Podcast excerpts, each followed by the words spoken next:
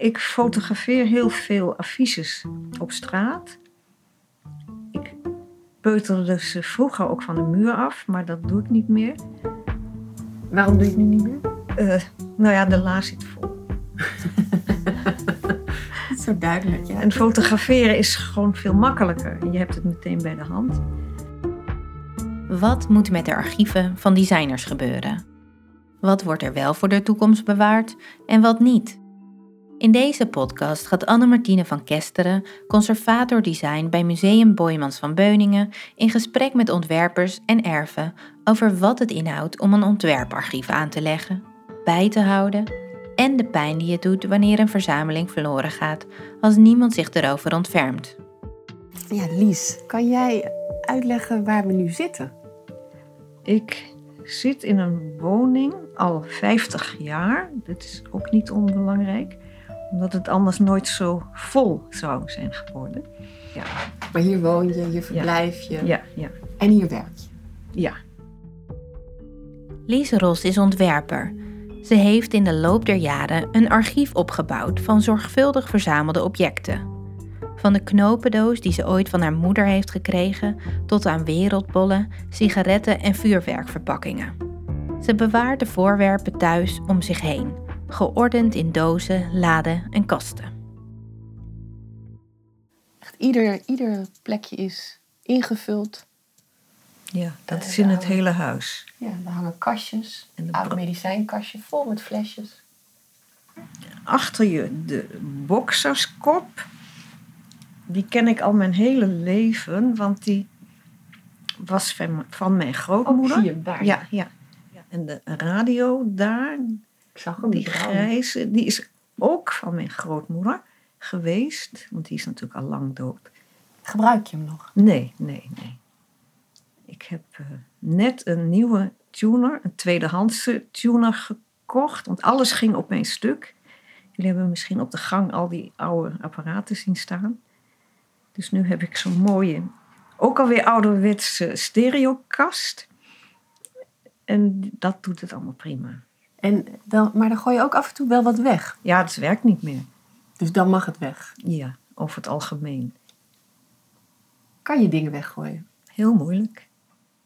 Maar soms krijg ik de geest hoor. Dan, eh, En wat, wat gebeurt er dan? Dan heb dan gaat het weg. heb je behoefte even aan lucht of aan iets anders. Ja, of er is iemand die me helpt met weggooien. Dat, dat werkt ook goed. En dan moet het ook meteen weg, anders vis ik het weer uit de vuilnisbak. En eh, hoe zou jij een archief omschrijven? Wat is een archief voor jou? Dus dat is je eigen bewaarplek van het grote archief van de wereld. Dus iedereen gooit van alles maar weg, zeker tegenwoordig. En ik destilleer daar mijn eigen dingen uit, die ik belangrijk vind. Of mooi vind, of wat voor criterium dan ook.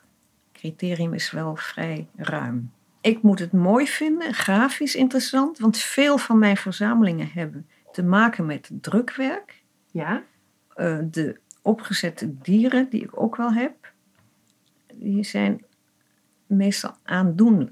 De vis met de stekels, Ja, ik zag hem net ergens. keer voor me- op die twee radiootjes. Ja, oh ja, ja, ja. Eh, die heb ik een keer voor mijn verjaardag gekregen. Dus het ene is een excuus en het is overgegaan in een hartstocht. Oh, dat is mooi. Ja, En oh, je professionele hartstocht en je persoonlijke hartstocht. ja, ja. ja. Komen, komen ze uiteindelijk bij elkaar in dezelfde dingen? Nou, in het drukwerk. Ik verzamel heel veel drukwerk. Ja, dus affiches, boeken, eh, vuurwerkverpakkingen. Dat is ook drukwerk, al realiseert niemand zich dat. Vo- voornamelijk eh, Chinees drukwerk. Tegenwoordig doe ik het niet meer, want het is niet meer mooi.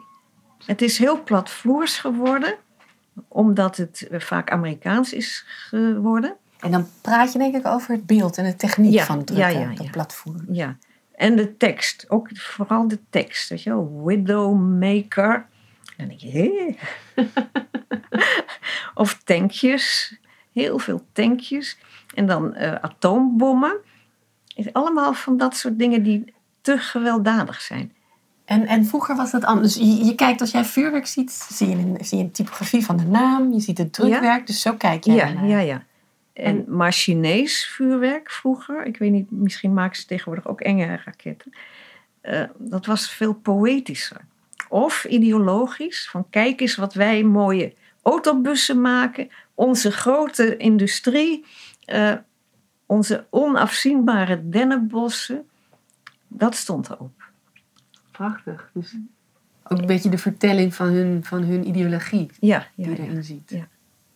En die, die, die- dus die liggen hier ook ergens in een la verborgen. ja. En Maar die- daar staat helaas de tijdelijke boekenkast voor.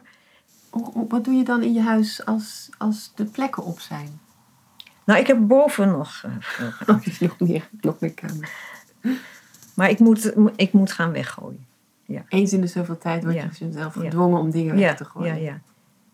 Om geen hoorder te worden. Ja, dat je nog kan bewegen. Ja.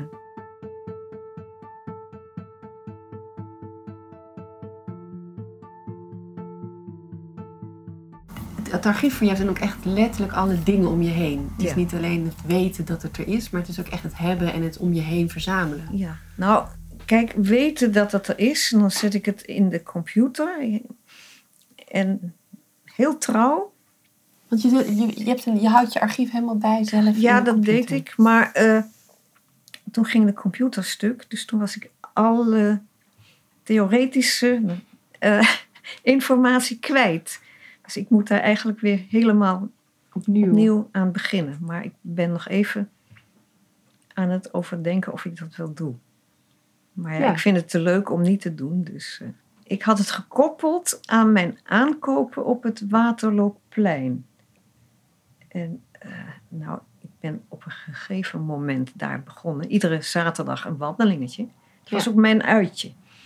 En als ik daar iets moois tegenkwam, Schatten zoeken, ja. ja, dan kocht ik het.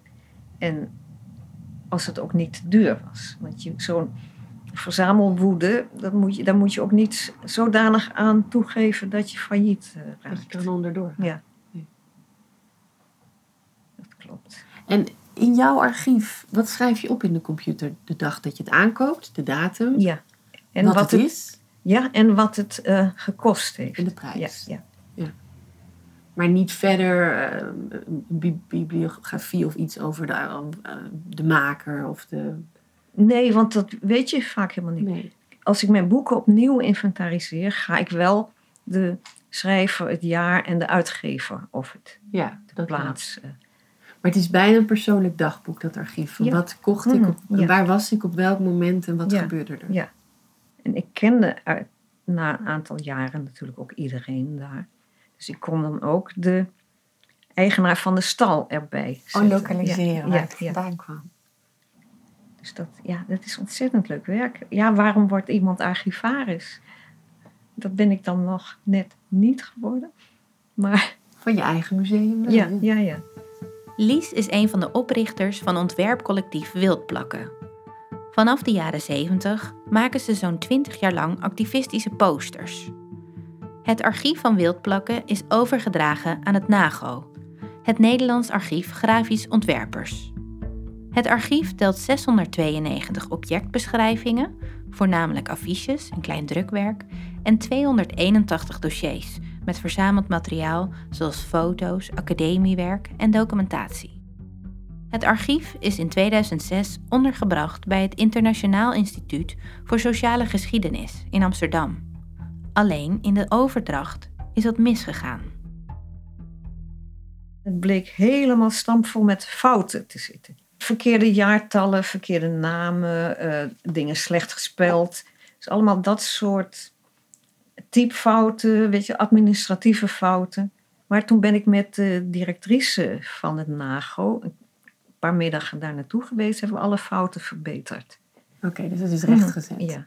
Nou hebben we zelf eh, tot op een bepaalde tijd ook nooit de datum op een affiche gezet, bijvoorbeeld. En ook nooit eh, ondertekend. Ja, dus dan kan je dat Ja. eigenlijk ook moeilijker Nee. traceren. Ja.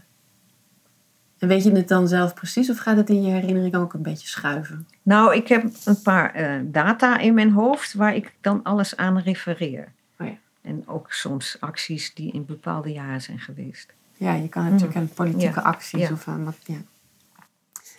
Lies, heb jij eh, zeg maar aanbevelingen over hoe jij zou vinden dat... eh, als we een beetje meer uitzoomen en naar een soort van eh, meer algemeen belang van de archieven gaan kijken. Heb jij aanbevelingen hoe, jij vindt dat eh, wij het in Nederland zouden moeten doen? Eh, misschien meer met beeld. Hoewel dat vast heel erg veel duurder is. Maar ik ben een keer op een eh, archiefdag geweest. En toen merkte ik dat het heel eh sec ging met alleen maar codes. Ja. En dat vond ik heel erg jammer. Want ik denk dat het voor mensen die archiveren veel interessanter wordt als ze de echte voorwerpen kunnen omschrijven. En wat bedoel je daar dan mee? Dus dat het meer als een narratief wordt Ja. omschreven, verhalend. Ja, ja, ja. Want in deze laadjes die hier, dat is een deel van jouw archief.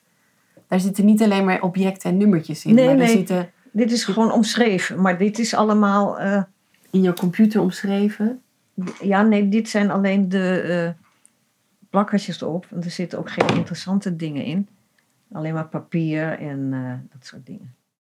Het archief van Wildplakken is ondergebracht. Maar wat zou Lies willen voor de rest van haar werk? Dat, ik zou dat leuk vinden als eh, het Allard Pierson dat zou overnemen, maar ik denk ook niet dat ze dat doen. En dan praat je over posterwerk of dan praat je over je levenswerk. Niet over wat hier zomaar te zien is. Nee, het echt het werk. werk. ja. De posters en de, Ja. de, de, de afdrukken. Mhm, ja. Ja. Ja.